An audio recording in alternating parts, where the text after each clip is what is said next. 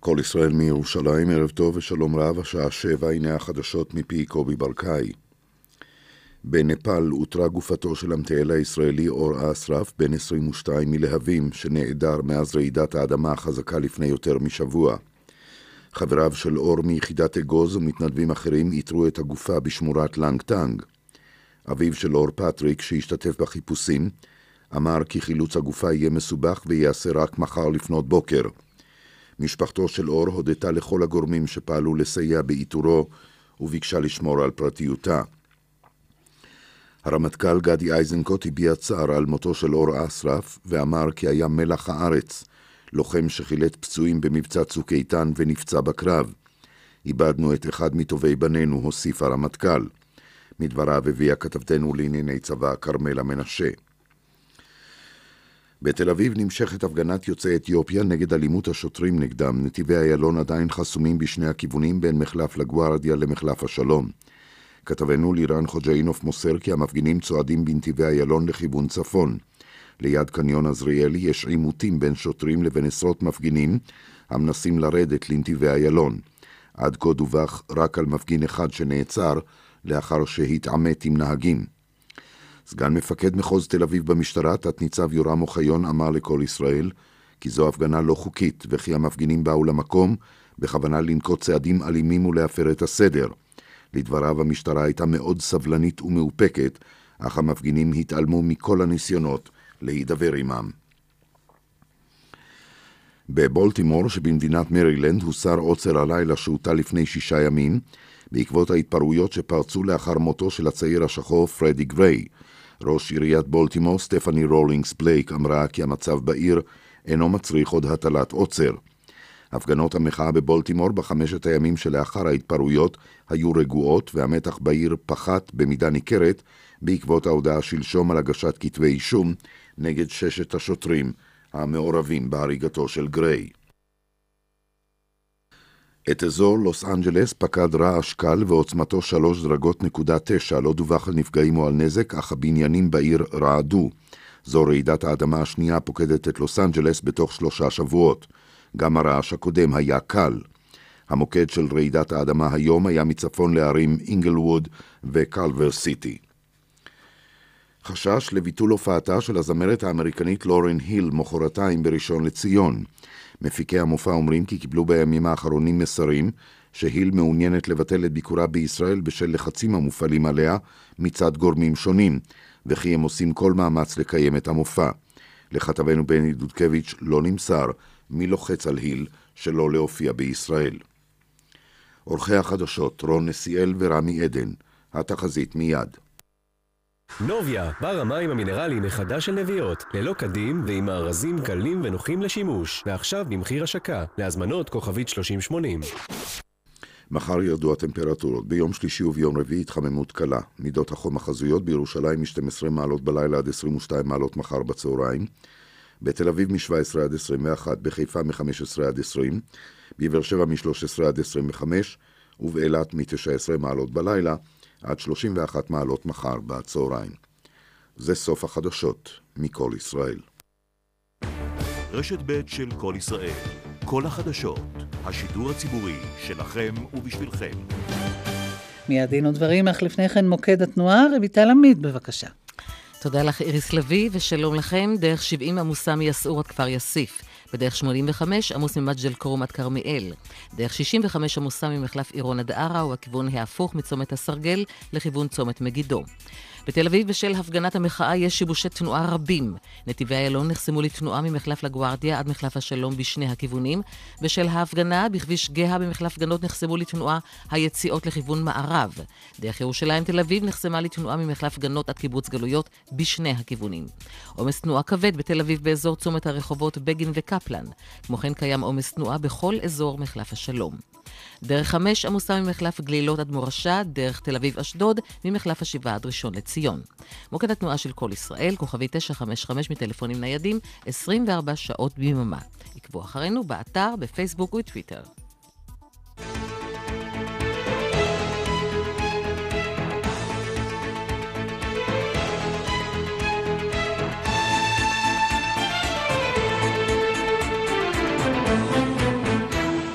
דין ודברים על חוק ערכים ודמוקרטיה ומה שביניהם עם משה נגבי. שלום לכם, עורכת התוכנית אורית ברקאי בהפקה דפנה אברהם, טכנאי השידור אוריאל מור, כאן ליד המיקרופון משה נגבי ואיריס לביא.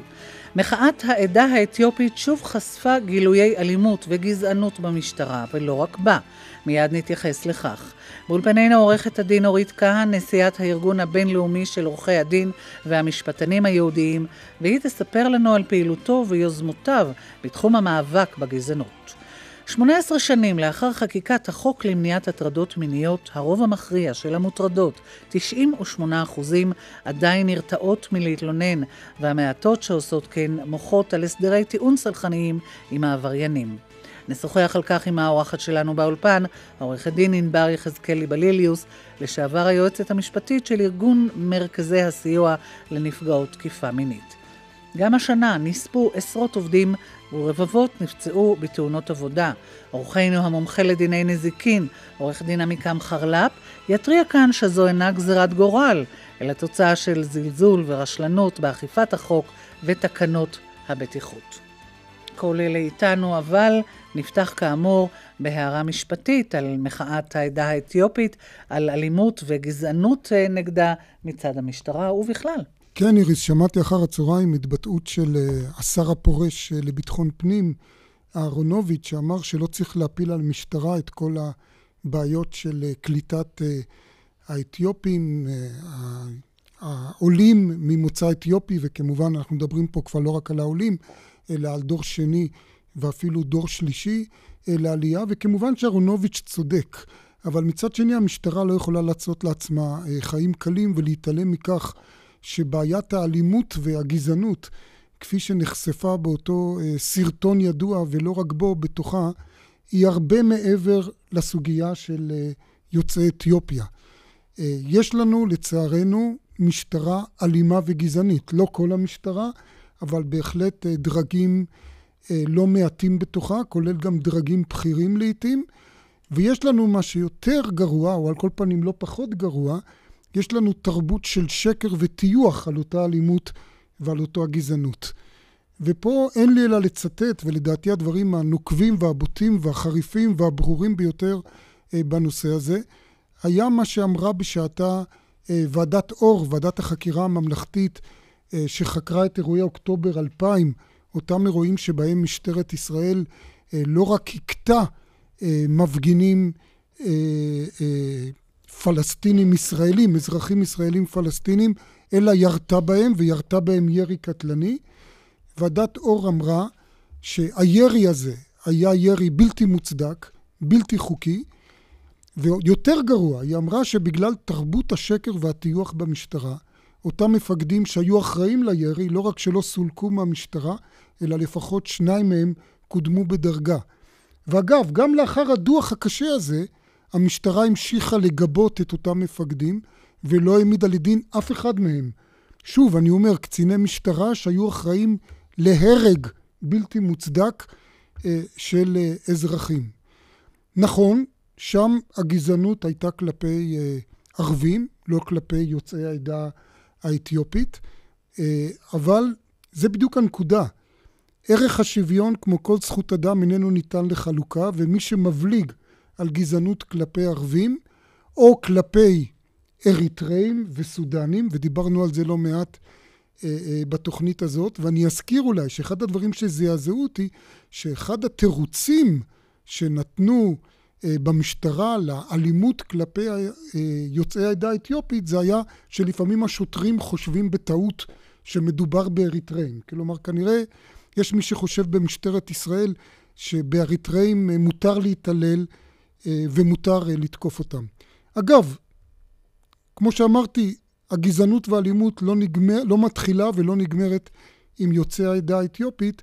קיבלנו לזה עוד שתי הוכחות השבוע. הוכחה אחת זה אה, אה, אותו, אותה התנהגות של המשטרה כלפי הפגנה אה, של פלסטינים שהייתה בשכונת הטור כאן בירושלים, וכתבנו שי זילבר בפירוש, במקרה הוא היה שם ולכן אי אפשר היה לשקר ואי אפשר היה לטייח, המשטרה אמרה שהיא הפעילה כוח כלפי אותם מפגינים משום שהם יידו עליה אבנים, וכתבנו אמר, לא דובים ולא היער, לא יודו אה, שום אבנים שיכלו להצדיק את התגובה ואת אה, השימוש אה, בנשק על ידי אה, המשטרה. ודוגמה שנייה, בשבוע שעבר התפרסם פסק דין של בית משפט השלום בתל אביב, השופט עידו דרויאן, ששלח לשבעה חודשי מאסר בפועל שוטר שהתברר לתדהמתו של השופט במשפט שהשופט הזה כבר הורשע פעמיים קודם באלימות. שוטר. השוטר, כן. באלימות uh, כלפי uh, uh, חשודים.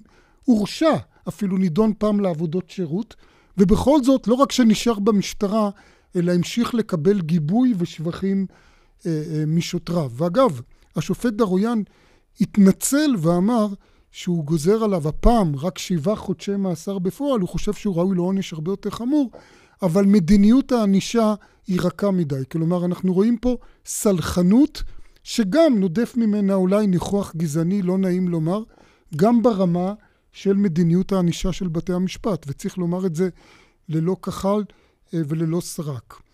אה, אה, אני רוצה לומר בהקשר הזה, שכמובן, כפי שדורשים בצדק אותם מפגינים שחוסמים כעת את נתיבי איילון, אותם מפגינים בני העדה האתיופית ואלה שמביעים סולידריות איתם, קודם כל באמת הם צודקים שאומרים שצריך למצות את הדין עם השוטרים האלימים ועם המפקדים של אותם שוטרים אלימים, ולא צריך להסתפק בכך שמסלקים אותם מהמשטרה, אלא להעמיד אותם לדין פלילי על התעללות, על תקיפה וכולי.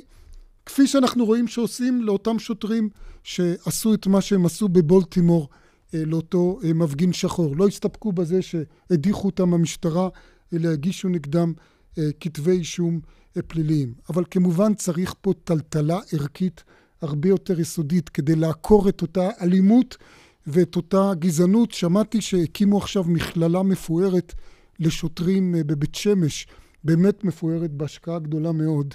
לא חשוב רק שהבניינים יהיו מפוארים והציוד יהיה מפואר, חשוב שהתכנים יהיו תכנים ערכיים ואתיים. ושוב אני אזכיר פה את מה שאמר פה אה, פרופסור אסא כשר, שבשעתו, כאשר יעקב גרוסמן עמד בראש המכללה לקציני משטרה בכירים, היה פרק גדול על אתיקה וערכים בהכשרת אה, קציני משטרה, שאסא כשר היה מופקד עליו. משום מה הפרק הזה נעלם מהכשרת אה, קציני המשטרה. דחוף מאוד אה, להחזיר אותו. עורכת הדין עירית כהן, נשיאת הארגון הבינלאומי של המשפטנים ועורכי הדין היהודים, אני יודע שהמאבק בגזענות עומד במוקד הפעילות של הארגון שלכם. בטח יש לך מה לומר גם על המחאה האתיופית. הרבה יש מה לומר. ראשית, היחס של הקהל הישראלי לאתיופים ולאחרים, לאחר בחברה, הוא גזעני. עשו על זה משאל, ו-95% מהאזרחים בישראל שדיברו על כך, אמרו שישנה גזענות בארץ. הדבר הזה מתחיל לא רק בבתי המשפט, הוא מתחיל בחינוך.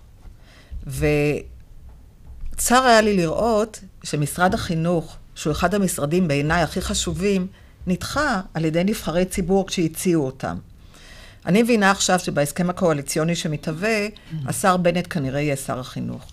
ואני רוצה לקרוא לו מכאן, לתת חלק גדול מאוד לחינוך הנוער, לקבל את האחר. זה מתחיל בכל מיני דברים. זה מתחיל באנשים שהם פגועי מוח בחברה, זה עובר לאתיופים, זה עובר לאריתראים, ערביי ישראל, לחרדים. לחרדים. לנשים. החברה שלנו, נשים החברה שלנו היא חברה גזענית, וזה כל כך תמוה כאשר אנחנו יודעים מהיכן אנחנו באנו ואיך התייחסו אלינו. זה דבר שאני רואה אותו כמשבר נוראי בתוך החברה הישראלית. עכשיו, אה, אה, אתם אה, בארגון הבינלאומי של המשפטנים ועורכי הדין היהודים, עשיתם מעשה בשבוע שעבר, כבר הזכרתי שאתם פעילים במאבק לגזענות, באתם למשכן נשיאי ישראל עם קבוצה של עורכי דין ערבים ישראלים, ובעצם במעמד הנשיא, בחסותו ובברכתו, חתמתם על הצהרה שמתחייבת למאבק בגזענות. אולי תספרי לנו על כך. נכון. אז הארגון הבינלאומי של עורכי דין ומשפטנים יהודיים הוא ארגון של זכויות אדם. שנלחם הרבה מאוד למען, כנגד אנטישמיות, הכחשת שואה וכדומה. אבל כאשר הארגון הזה קם, הוא חרט לעצמו להיות ארגון זכויות אדם, באנגלית זה היה to all mankind, לכולם. ואני כנשיאה מאוד מדגישה את הנושא הזה. אנחנו נחרדנו כשהתחילו פעולות תג מחיר. אני רוצה לראות איך זה נבנה. התחילו פעולות תג מחיר, היינו אצל היועץ המשפטי לממשלה וגם כתבנו לו מכתב ושאלנו היכן הפעילות כנגד פעולות תג מחיר. כולנו יודעים שהפעילות לא הייתה כפי שהייתה צריכה להיות. ולאחר מכן הוגשה אה, עתירה כנגד היועץ המשפטי לממשלה בנושא של תורת המלך, שנכתבה ב-2009, כאשר בעצם העתירה הייתה שהיועץ יסביר מדוע הוא החליט שלא להעמיד לדין את הרבנים באשר לתורת המלך. שם הצטרפנו כאמיקוס קוריה, כידיד בית משפט, ואנחנו מחכים להחלטת בית המשפט, שאני מקווה שתתקבל בימים הקרובים לגבי עניין זה. צריך הרבה אומץ להורות ליועץ המשפטי לממשלה להעמיד את, ה, את הרבנים האלה לדין, אבל אני הזכרתי שבחוץ לארץ הארגון שלנו נלחם כנגד אנטישמיות, בדיוק באותן סיבות, ואי אפשר שבית המשפט העליון שלנו ינהג אחרת מכפי שאנחנו רוצים שבתי משפט ינהגו בחוץ לארץ.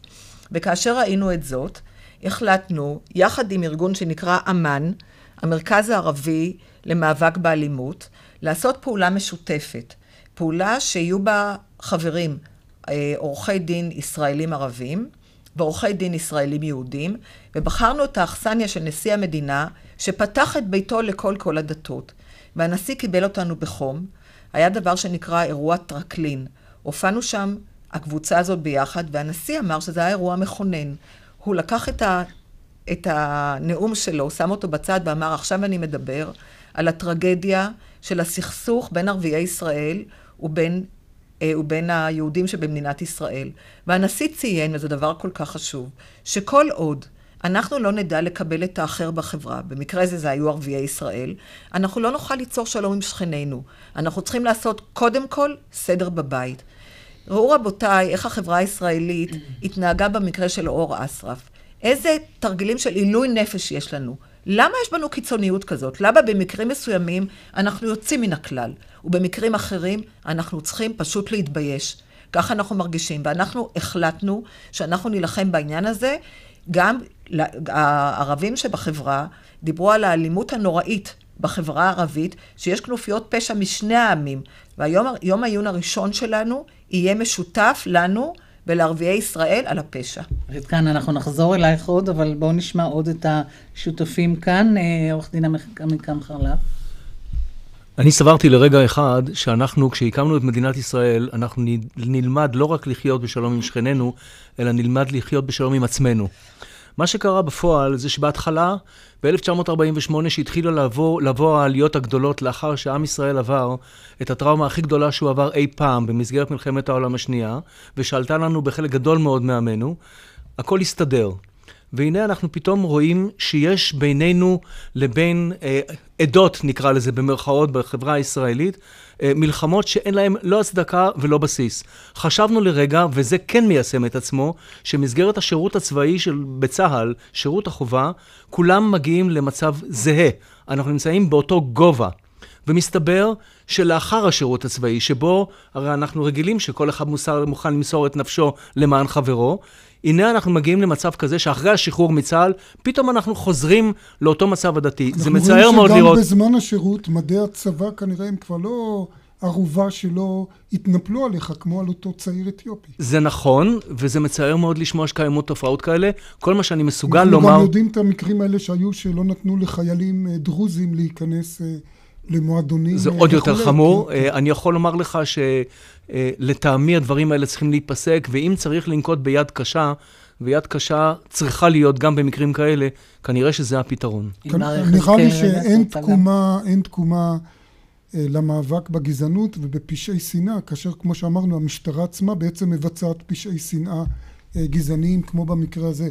עורכת הדין אה, ענבר יחזקאלי בליליוס, כבר הערת קודם בהערת ביניים, שכשמדברים על שנאת האחר, ואפשר לומר גם על פשעי שנאה והסתה אה, אה, כלפי האחר, יש לנו את זה גם כלפי אה, נשים, נכון, וזה בולט מאוד. כן. נכון, כן. נשים, אה, אה, זה, זה יכולים להיות נשים, יכולים להיות חרדים, יכולים להיות uh, הקהילה האתיופית עכשיו, שאנחנו רואים שזה אולי מעשה קיצון, אה, האלימות הזאת שהתגלתה, וככה הפרץ הזה שיוצא לרחובות ומוחה, ובצדק, ואנחנו צריכים לחזק את זה ולהצטרף uh, uh, למגמה הזאת כדי לעשות שינוי, אבל זה באמת מעשה קיצון שמלמד על הנורמות הפסולות של אפליה, של הדרה, של קבוצות שלמות בחברה שמזוהות כאחר, ושאנחנו כחברה שלא עושים מספיק. וברמה המשפטית אנחנו רואים את נציבות שוויון הזדמנויות בעבודה. עבודה, לצורך העניין, שמנסה לקחת קייס פה, קייס שם, אבל לא מצליחה עדיין למנף את המקומות האלו גם לחיים הנורמטיביים, לא לאירוע קיצון של uh, הכאת חייל במדים. אלא לחברה כולה ולשינוי התפיסות. וגם אלייך אנחנו נחזור עוד מעט. הייתי מצפה שבמקרה כזה מנהיג של מדינה, קוראים לו ראש הממשלה, יצא בקריאה ברורה לעם. לא לחכות שיעלו על ביתו ואז אה, יקבל את האנשים. לא לקרוא להם עולים חדשים, כאשר הם בעצם דור שלי בארץ. בשביל זה יש מנהיג. ואני שומעת שפה רפה, ואני חושבת שיש מקום שמנהיג העם יצא ויאחד את העם, וידבר בשפה ברורה כנגד הגזענות. לא שמעתי את זה עד היום. אני אומר שוב גם, לא, לא מספיק להגיב על מקרה שבו מכים חייל של צה"ל. התגובה צריכה להתחיל כאשר מכים את הערבי, כאשר מכים את החרדי בהפגנה. אה, אה, כי קל מאוד יחסית להזדהות עם אה, חייל צה"ל שמוכה, והמבחן הוא להזדהות גם כאשר מכים מיעוט שאתה פחות אולי מרגיש הזדהות וקרבה אליו. דיבר קודם עורכת הדין כאן, עורך דין חרל"פ, הזכיר את הלקחים שהיינו צריכים להפיק, ולאכזבתו ולאכזבתנו לא, לא, לא הופקו. מימינו בגלות וכמובן מלקחי השואה וכולי. ויש עוד נושא שאני חושב שמתחבר לזה וזה היחס שכבר אמרתי פה אה, שבעיניי ואני מביע פה את דעתי האישית אה, הוא יחס מחפיר של מדינת ישראל או היעדר היחס הוא מחפיר לגבי הסוגיה הזאת של הג'נוסייד אה, הארמני.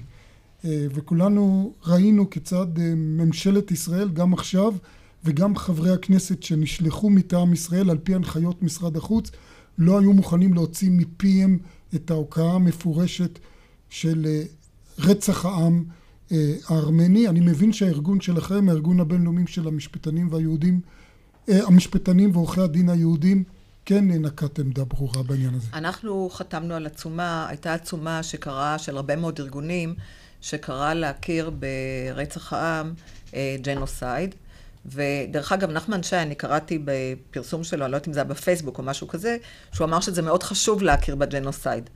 אה, ממשלת ישראל אומנם עשתה צעד גדול קדימה, כי בהתחלה בכלל לא רצתה להכיר בזה, והיום היא בכל זאת שלחה חברי כנסת, אז אנחנו כן רואים איזשהו שיפור מגמה. אבל הכתיבה להם לדבר רק על טרגדיה. כן, אבל אני לא, כל הזמן זה היה הרי בגלל יחסינו עם טורקיה, שהלכו במין טיפות כאלה. היום זה גם אזרבייג'אן. כן. זהו, אז אה, אני חושבת שהייתה שואה של העם הארמני, אני חושבת שבהחלט צריך להכיר בה.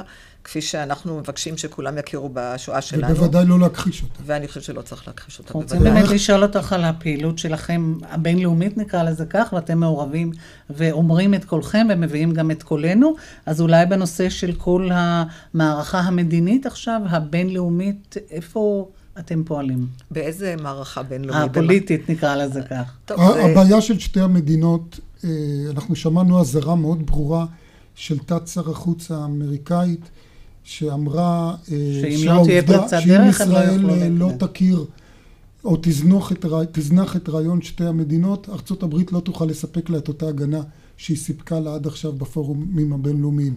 מהניסיון שלך, לאזהרה הזאת יש על מה להתבסס? לאזהרה הזאת יש בהחלט על מה להתבסס, לא רק בנושא של ארצות הברית, אלא בכלל בהכרה של מדינות העולם בנו.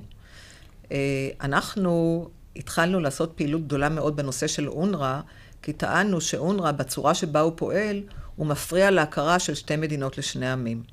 ואני לא אכנס לזה עכשיו, כי זה נושא שהוא מאוד מאוד uh, מעניין בנושא של אונר"א, כי הוא מנפח מאוד את מספר הפליטים, וראינו בזה מכשול לאפשרות להכרה של שתי מדינות לשני עמים. הסכנה הגדולה של uh, עם אחד, שיהיה פה, אנחנו לא צריך לחזור עליה. Uh, ראש הממשלה שלנו התחייב לעניין הזה בנאום בר אילן. והוא איכשהו התחלק, ואחר כך אמר שהוא חזר, שהוא חוזר בו. אני מאוד מקווה שהשכל הישר ינצח, ואנחנו נחזור לעניין הזה של שני מדינות לשני עמים, כי אחרת אה, הסכנה היא גדולה, גם מבחינת העולם לדעתי. לעמדתך יש משקל, נזכיר גם שלפני שנבחרת להיות נשיאת הארגון הבינלאומי של המשפטנים היהודים, היית מנהלת המחלקה הבינלאומית אה, במשרד המשפטים, ובתור שכזו אני גם רוצה לשאול אותך לגבי בית הדין הפלילי הבינלאומי, היה ביום שישי האחרון רעיון מרתק של אה, פרופסור אייל גרוס עם התובעת של בית הדין. נכון. והיא הבטיחה שבית הדין נקי מכל שיקול אה, פוליטי ויטפל בתלונות הפלסטיניות בצורה אובייקטיבית לחלוטין. יש לך אמון בבית הדין הזה? נדמה לי שבשעתו את הסתייגת מזה שישראל תצטרף אליו, נכון? אני הסתייגתי בשעתו שישראל תצטרף אליו, ואנחנו כולנו זוכרים שבאמנה, אגב, ישראל הייתה חלק מאוד פעיל באמנה של בית הדין של ה-ICC. כן, נדמה לי שהנשיא הראשון של הארגון שלכם, חיים כהן, היה מאלה שדחפו להקים דחפו, בית דין כזה. נכון, כן. ואפילו בשעתו שאלי רובינשטיין עשה בתפקיד רציני, הוא היה חלק מהעניין.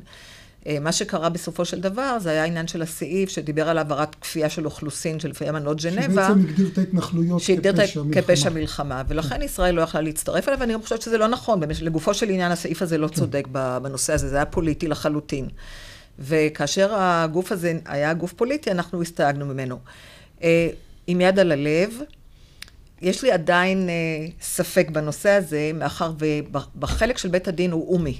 כאשר בעצם מועצת הביטחון יכולה להפנות אליו אה, מקרים מסוימים.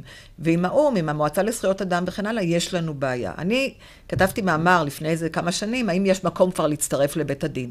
והשארתי את זה בצריך עיון. אה, יגידו לך מדינות אפריקה שבית הדין הוא פוליטי, כי הוא מטפל רק בהן. זאת אומרת, יש פה איזשהו קושי מסוים.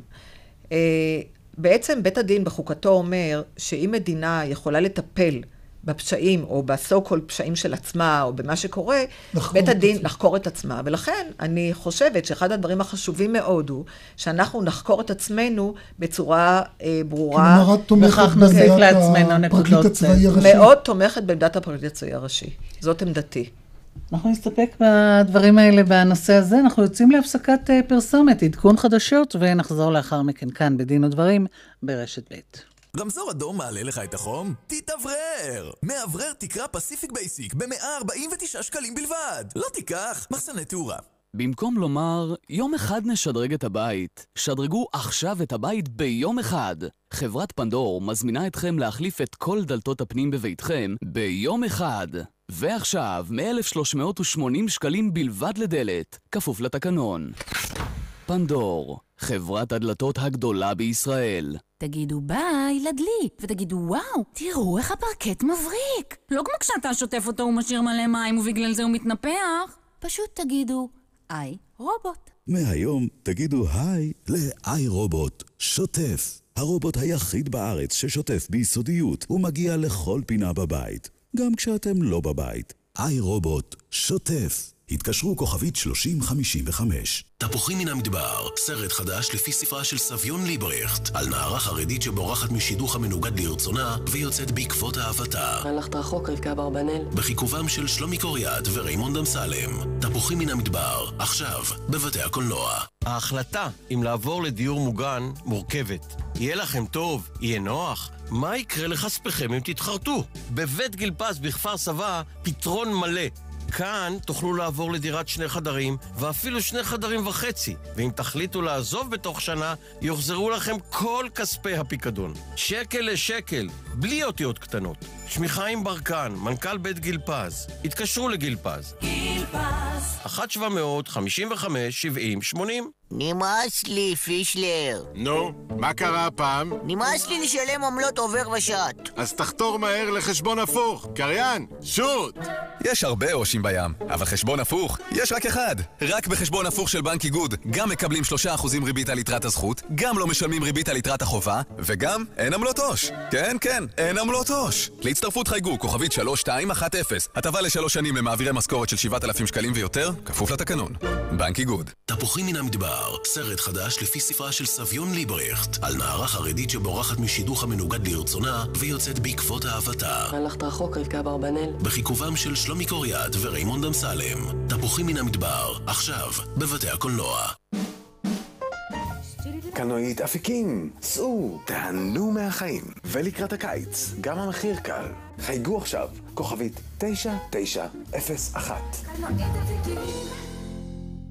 שבוע הבטיחות בדרכים הבינלאומי של האו"ם מצוין בימים אלה ועוסק בילדים. הרשות הלאומית לבטיחות בדרכים וארגון בטרם לבטיחות ילדים שותפים למהלך זה ומקיימים פעילות הסברה רחבה בכל רחבי הארץ. הצטרפו גם אתם, היכנסו לאתר האינטרנט ולעמוד הפייסבוק שלנו, חיתמו על האמנה הבינלאומית הקוראת לשמור על חיי הילדים והעלו תמונה עצמית, סלפי עם מסר אישי בנושא בטיחות בדרכים לילדים. תמונות הסלפי הצטרפו לתמונות של כל המדינות באו"ם, כי כולנו אחראים לשמור על הילדים. חושבים חיים rsa.gov.il בטרם.org.il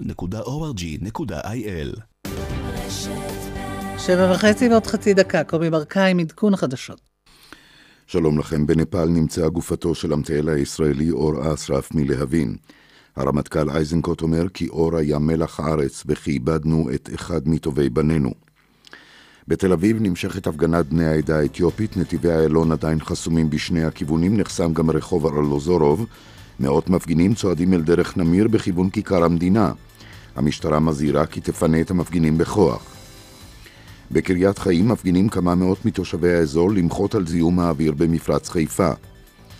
שוחררו בתנאים מגבילים שמונה הצעירות ממדרשת באר מרים בירושלים, שנעצרו היום.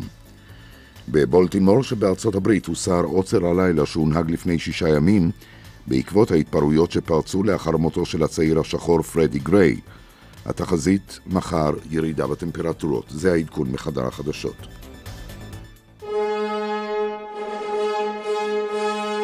עונה חדשה בתזמורת הסימפונית ירושלים רשות השידור. החלה מכירת המינויים לעונה של מוסיקה נפלאה. טובי המנצחים והסולנים, הרקבים של ורדי וגם זה של מוצרט, כל הסימפוניות של צ'ייקובסקי וגם שתיים של מאלר, ועוד ועוד ועוד. לפרטים 1-770-4000 ובאתר התזמורת. חונים באמצעות יישומון? אפליקציה? שלא תדפקו בחנייה. נפתחה התחרות, ומהיום רק בסלופארק חונים שנה בלי עמלות הפעלה. שמעתם נכון, בסלופארק אין עמלות הפעלה. הורידו עכשיו חינם את האפליקציה, או חייגו כוכבי 9070. סלופארק, עושים בשבילכם מהפכה בחנייה הסלולרית. תפוחים מן המדבר, סרט חדש לפי ספרה של סביון ליברכט, על נערה חרדית שבורחת משידוך המנוגד לרצונה ויוצאת בעקבות אהבתה. הלכת רחוק, רבקה אברבנאל. בכיכובם של שלומי קוריאט וריימונד אמסלם. תפוחים מן המדבר, עכשיו, בבתי הקולנוע. כאן נתן זהבי, ההורים מזדקנים וזקוקים לכם יותר ויותר. אתם רצים בין רשויות ומוסדות בניסיון לסייע. למזלנו עומדת לצידנו עמותת רעות שמשרתת את הקהילה כבר 75 שנה. במרכז המידע רעות אשל תוכלו לקבל תשובות על שאלות הקשורות בזכויות הוריכם. עזרה בבית או בבית אבות, ייעוץ משפטי, שיקום, סיעוד וגריאטריה. חפשו באינטרנט רעות משפחה מטפלת או התקשרו לרעות אשל, 1-700-700-204. מיזם משותף לעמותת רעות וארגון אשל, מיסודו של ג'וינט ישראל. אופטיקה הלפרין, חוגגים 67 שנות עצמאות, ב-67 אחוזי הנחה לכל החנות. אופטיקה הלפרין, מהרו שלא תפספסו, המבצע עומד להסתיים. כנתן זהבי, ההורים מזדקנים וזקוקים לכם יותר ויותר. אתם רצים בין רשויות ומוסדות בניסיון לסייע. למזלנו עומדת לצידנו עמותת רעות שמשרתת את הקהילה כבר 75 שנה. במרכז המידע רעות אשל תוכלו לקבל תשובות על שאלות הקשורות בזכויות הוריכם. עזרה בבית או בבית אבות, ייעוץ משפטי, שיקום, סיעוד וגריאטריה. חפשו באינטרנט רעות משפחה מטפלת או התקשרו לרעות אשל, 1-700-700-204. אופטיקה הלפרין, חוגגים 67 שנות עצמאות, ב-67 אחוזי הנחה לכל החנות. אופטיקה הלפרין, מהרו שלא תפספסו, המבצע עומד להסתיים.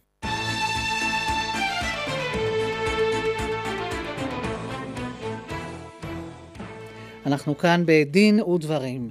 18 שנים עלו לחוק נגד הטרדות מיניות, אך uh, על פי נתוני הלשכה המרכזית לסטטיסטיקה, 98% מהמוטרדות עדיין נרתעות מלהתלונן.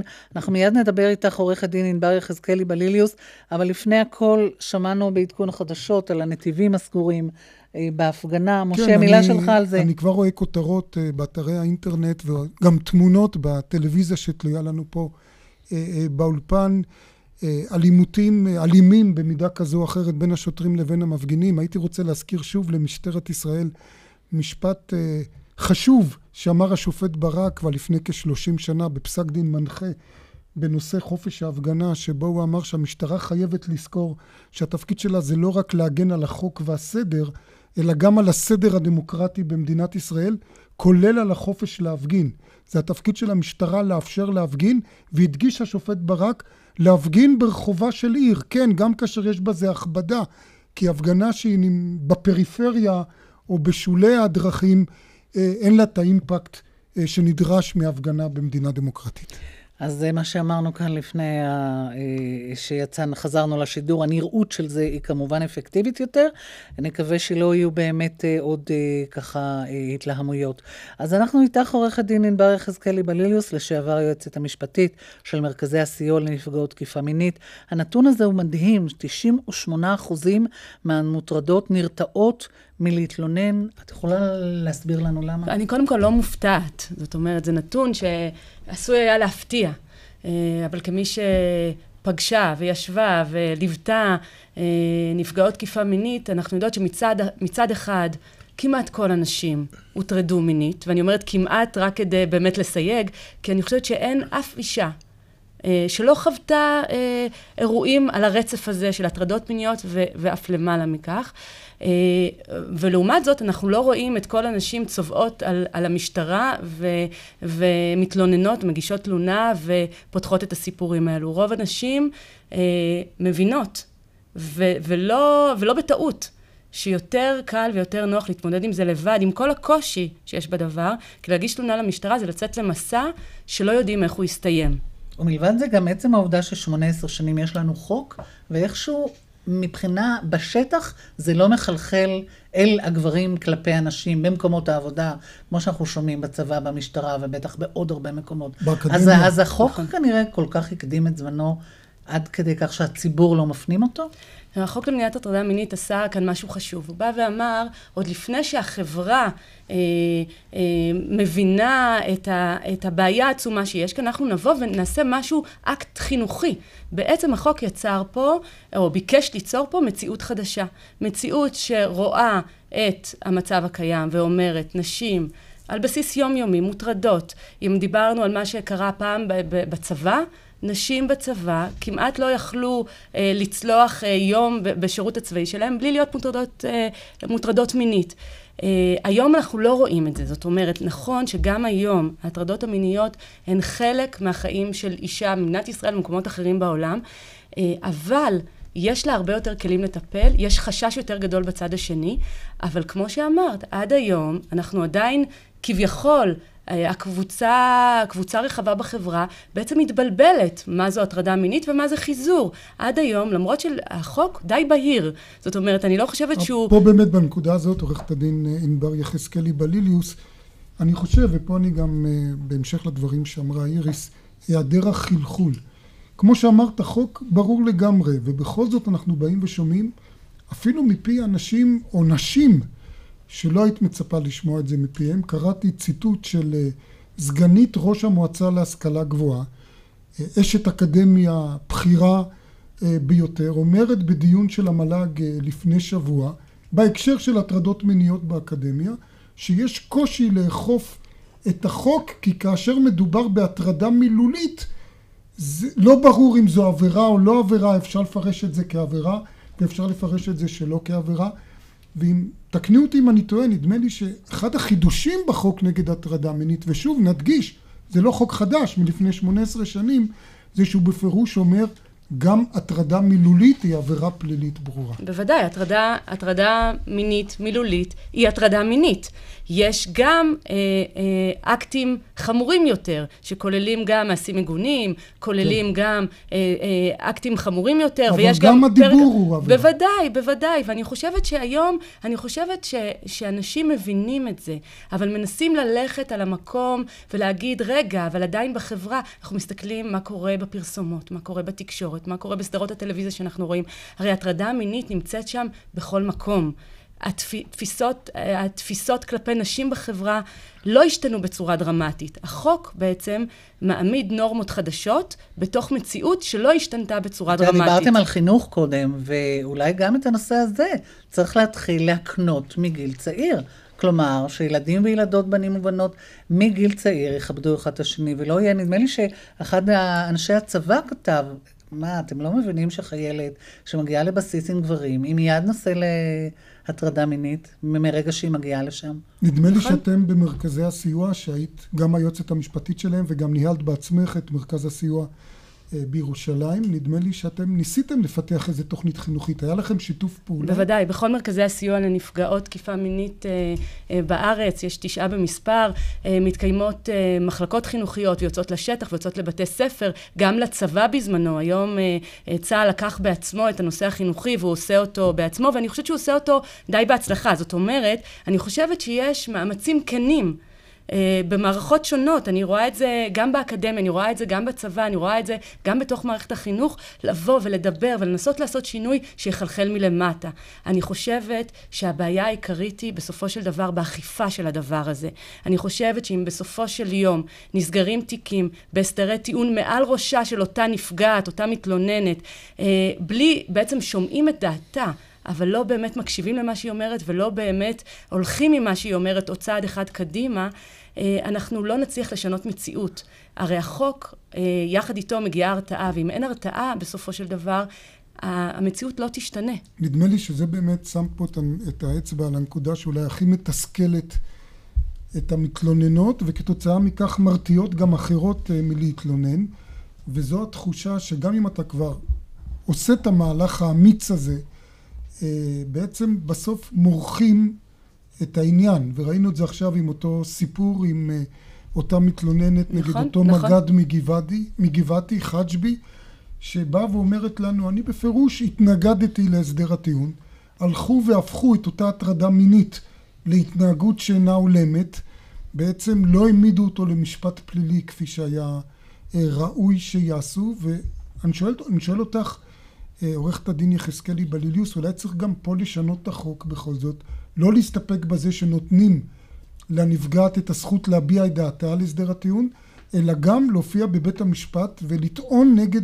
הסדר הטיעון. את היית תומכת ב... בהחלט, בהחלט. אני חושבת שחוק זכויות נפגעי עבירה יכול לעשות עוד צעד אחד קדימה, ואולי עוד מספר צעדים קדימה, כדי לשנות את המציאות הזאת, ולתת יותר כוח, יותר משקל ל- ל- לעמדה של אותה נפגעת, שבעצם יזמה את כל ההליך הזה, שבעצם פתחה את את, את הסיפור על מנת שניתן יהיה להעמיד לדין אדם שאם לא יטפלו בו עכשיו עלול להמשיך ולפגוע. זה מצד אחד. ויותר מזה אני חושבת שמי שעוסק היום בעבירות מין בבתי המשפט גם בפרקליטויות לצערי הם אנשים שאין להם לעתים את המומחיות המספקת. ואם יש לנו אה, בתי משפט לתעבורה בתי דין לעבודה אה, למשפחה אני חושבת שבנושא של עבירות מין צריכים מומחיות ובתי משפט ייחודיים שמתמצאים ומבינים את המורכבות של עבירות מין צריכים לקום בארץ ובעולם על מנת שניתן יהיה לטפל בתופעה הזאת בצורה באמת נכונה ומעמיקה ולעשות שינוי חברתי משמעותי. אני רוצה להעלות עוד נקודה והיא הנקודה של האנונימיות של המתלוננות. הייתה ככה, הייתי אומר, איזושהי שמחה אה, בתקשורת על כך ש... אותה מתלוננת נגד חג'בי וגם המתלוננת נגד אותו מרצה באוניברסיטה העברית שהורחק אה, מהאוניברסיטה בעקבות אה, תלונתה, אה, ויתרו על האנונימיות וחשפו את עצמן. אני לא בטוח שהשמחה הזאת היא במקומה, כי במידה מסוימת הם נאלצו לחשוף את עצמן כי הם הרגישו, בגלל המציאות שתיארנו, שבלי החשיפה הזאת קולן לא יישמע. ולי יש חשש ש...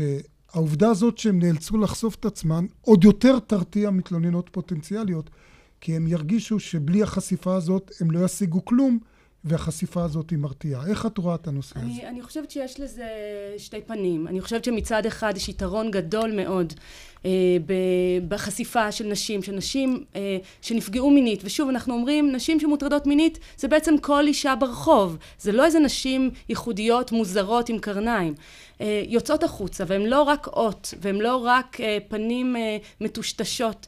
הן אישה ש, שיש לה עולם שלם, שיש לה שם, שיש לה עיסוק, שיש לה אה, משפחה, והיא יוצאת ומספרת את הסיפור שלה, זה נותן כוח לה לפ, לעיתים, ונותן, או לפחות אה, לפעמים תחושה של כוח או תחושה של שליטה, וגם אה, לנפגעות אחרות. מהצד השני, הן משלמות מחירים כבדים מאוד. כן, לעיתים. כמו שאנחנו יודעים. כן. אנחנו מאוד מודים לך על הדברים האלה, ועוד כמובן נעסוק בנושאים האלה. עורכת דין ענבר יחזקאלי בליליוס.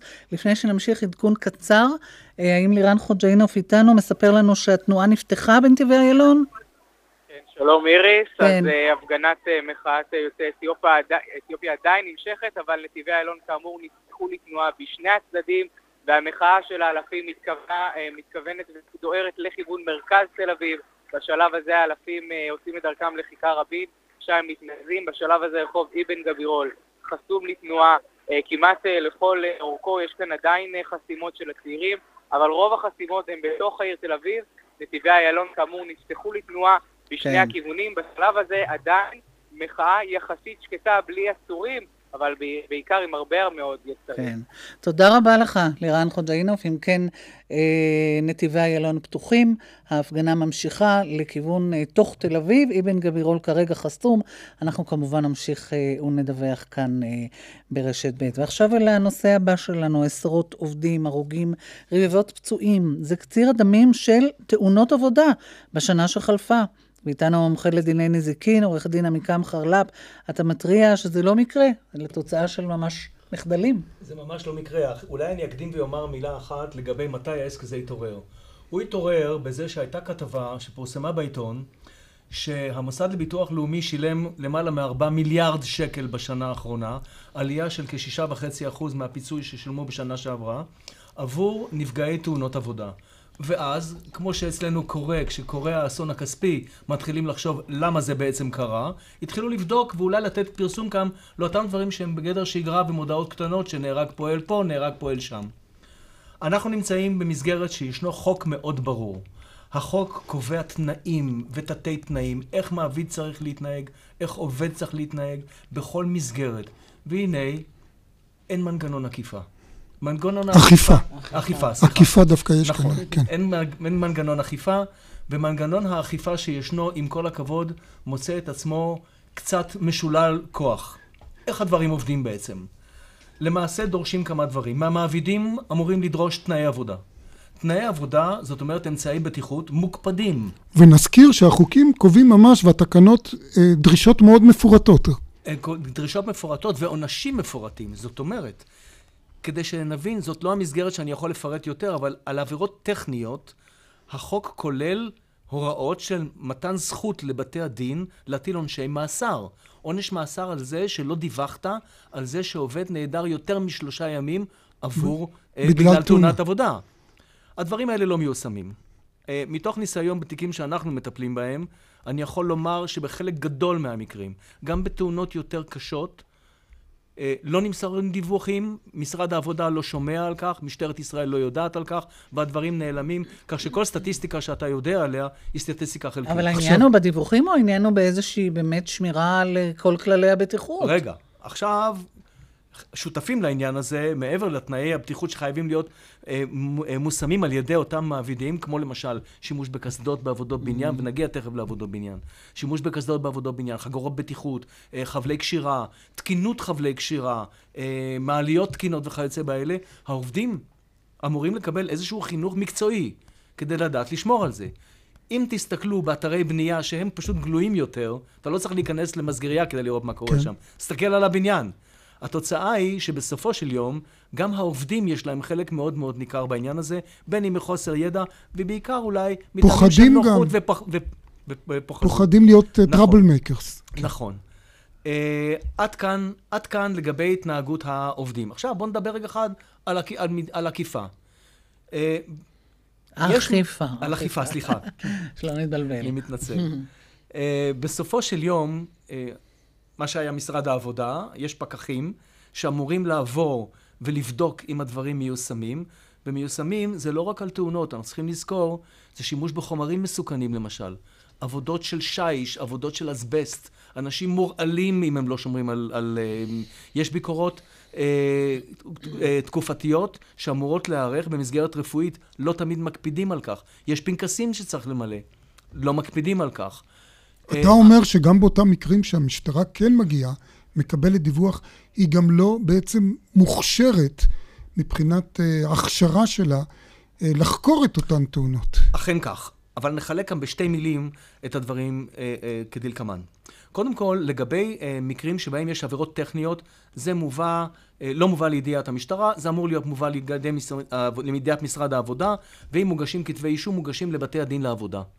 עד כאן סיפור אחד. לגבי פגיעות יותר רציניות ורשלנות יותר רצינית, ופגיעות פיזיות בעיקר, כמו פציעה קשה או מקרה שנהרג מישהו, המשמעות היא שהמעביד חייב לדווח למשטרה, המשטרה מגיעה למקום, ולאחר מכן מעבירה את הדברים לידי משרד העבודה. כאן קורית בעיה בתפר. חוקרי, משרד, אה, חוקרי המשטרה, מהניסיון שוב של מה שאנחנו ראינו, לא כל כך מיומנים לחקור תאונות עבודה. לחקור תאונת עבודה צריך לדעת, צריך לקבל הכשרה. עובדה שמשטרת ישראל יודעת לחסות אה, חקירות מצוינות, או מקצועיות בתאונות דרכים. Mm-hmm. אבל בכל, ככל שהדבר נוגע לתאונות עבודה, הם לא יודעים. המעבר הבעייתי כאן הוא שמרגע שהמשטרה מעבירה את המסר למשרד העבודה, עובר זמן. הזמן הזה הוא דרמטי מבחינת היכולת לחקור חקירה של אמת מה התרחש שם. בינתיים אפשר גם לתאם עדויות, להעלים עדויות. אפשר לתאם עדויות, ואפשר לטייח, ואפשר להעלים, ואפשר להוסיף, וכל הדברים האלה הם בגדר שערורייה בינלאומית, אם נקרא לזה כך. זה יוצר אה, סיטואציה שלמעשה החוק לא ניתן למימוש במשמעות הנכונה שלו. עוד מילה אחת לגבי פסקי הדין שניתנים. אני לא זוכר כמעט מאסר בפועל שבית הדין לעבודה הטיל על אה, עבריין ב, אה, בגין עבירה כזו או אחרת שהיא טכנית. לעומת זאת, אני יכול כן לומר שכאשר מדובר במקרה מוות, שדנים בזה בתי המשפט האחרים, יש בהחלט נטייה להטיל עונשים חמורים כשיש מקום לעשות את זה, אם כי בסטטיסטיקה, אני לא יכול לומר שהם מגיעים לרמה של אה, מקרי הריגה או גרימת מוות ברשלנות בתאונות דרכים, ששם המושג של להיכנס לבית הסוהר ולהטיל עונש של מאסר בפועל הוא בגדר שגרת יום שמונחית על ידי בית המשפט העליון. אני מקווה שהדברים המאוד נוקבים שאמרת פה יביאו לסטטיסטיקה פחות אה, נוראה בשנה הבאה בנושא הזה של תאונות עבודה. כולנו מקווים כך. ואנחנו מסיימים כאן. תודה רבה לכל אורחינו, לעורכי הדין אה, עירית כהן, ענבר יחזקאלי בליליוס ועמיקם חרלפ, עורכת התוכנית אורית ברקאי, מפיקה דפנה אברהם, הטכנאי אריאל מור, באולפן היינו משה נגבי ואיריס לביא.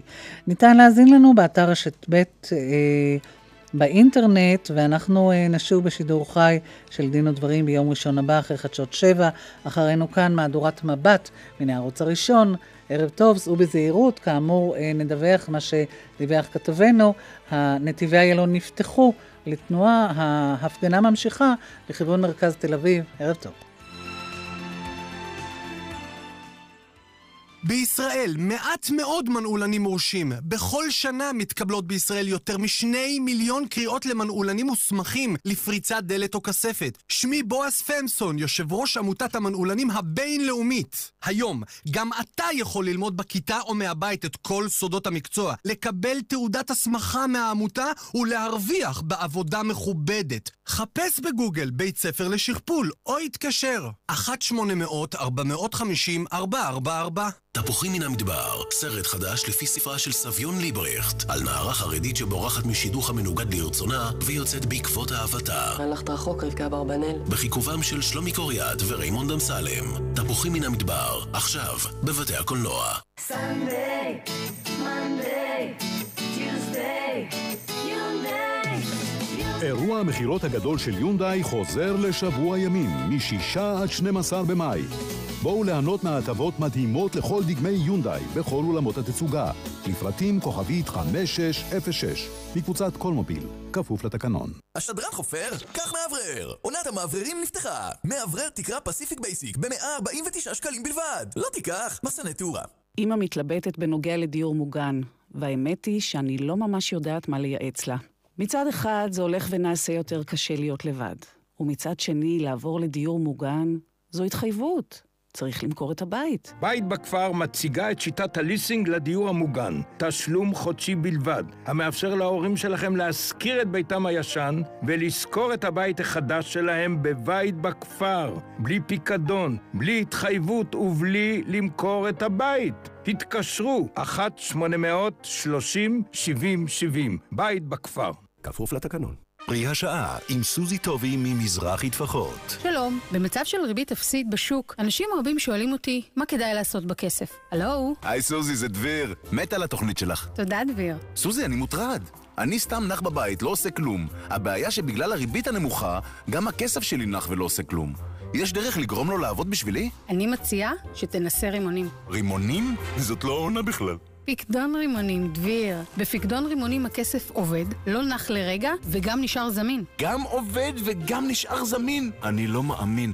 סוזי, רק עוד מילה אישית? את ממש מקצועית. לקוחות כל הבנקים, התקשרו עכשיו למקצוענים בהשקעות של מזרחי טפחות ושאלו על פיקדון רימונים, כוכבית 8860. סובלת מנשירת שיער? התקשרי עוד היום לאבחון מיקרוסקופי. 90% הצלחה בעצירת הנשירה. מעבדות הר קליניק, כוכבית 2646. שלום, כאן ירדן ג'רבי, אלופת העולם בג'ודו.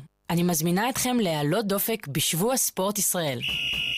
יוצאים מהבית ונכנסים לכושר בשבוע שלם של חוויות ספורטיביות מקפיצות לכל המשפחה. סובב ירושלים באופניים, אולימפיאדת הילדים במכון ווינגייט, מרוץ לילה בבאר שבע, אתנה הולכות רחוק בתל אביב, ועוד מאות אירועי ספורט מהצפון ועד הדרום. שבוע ספורט ישראל, מ-1 עד 8 במאי. רוצו על זה! שלכם, משרד התרבות והספורט. החיים שלך יקרים. הצמיגים של משלן? כבר לא. עוברים לצמיגי משלן. הבדל קטן במחיר, הבדל גדול בבטיחות. בדוק ותופתע. הילד רצה כלב? בסוף קניתי לו תמנון. עכשיו בתמנון, כל החולצות המודפסות לילדים, עד 19 שקלים ו-90. לא החל מ... לא החל ב... רק עד 19 שקלים ו-90. תמנון. הכי טוב תמנון. לרשת מגדלי הים התיכון, המובילה את סגנון החיים לגיל השלישי, יש חדשות מצוינות. פתחנו את הבית החדש בירושלים. והחדשות הפחות מצוינות, רק 116 דיירים ייהנו מזה. אז קדימה, הצטרפו לדיירים שכבר נהנים במגדלי הים התיכון, כוכבי 9134. שלום, מדבר הקברניט. תודה שטסתם בארקיע למלונות ישרוטל באילת ב-99 שקלים בלבד. ארקיע ומלונות ישרוטל במבצע ששווה לטוס. מזמינים חופשה באילת וטסים רק ב-99 שקלים לאדם לכיוון. להזמנות ישרוטל, כוכבית 5585 או ארקיע, כוכבית 5758. הילדה רצתה חתול, בסוף קניתי לה תמנון. עכשיו בתמנון, כל החולצות המודפסות לילדים, עד 19 שקלים ו-90. לא החל מ... לא החל ב... רק עד 19 שקלים ו-90. תמנון. הכי טוב תמנון. תפוחים מן המדבר, סרט חדש לפי ספרה של סביון ליברכט, על נערה חרדית שבורחת משידוך המנוגד לרצונה ויוצאת בעקבות אהבתה. הלכת רחוק, רבקה ברבנאל. בחיכובם של שלומי קוריאט וריימונד אמסלם. תפוחים מן המדבר, עכשיו, בבתי הקולנוע.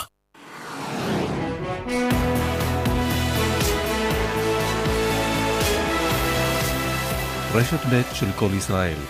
אנו עוברים עתה אל הטלוויזיה הישראלית, הערוץ הראשון, לשידור מהדורת מבט.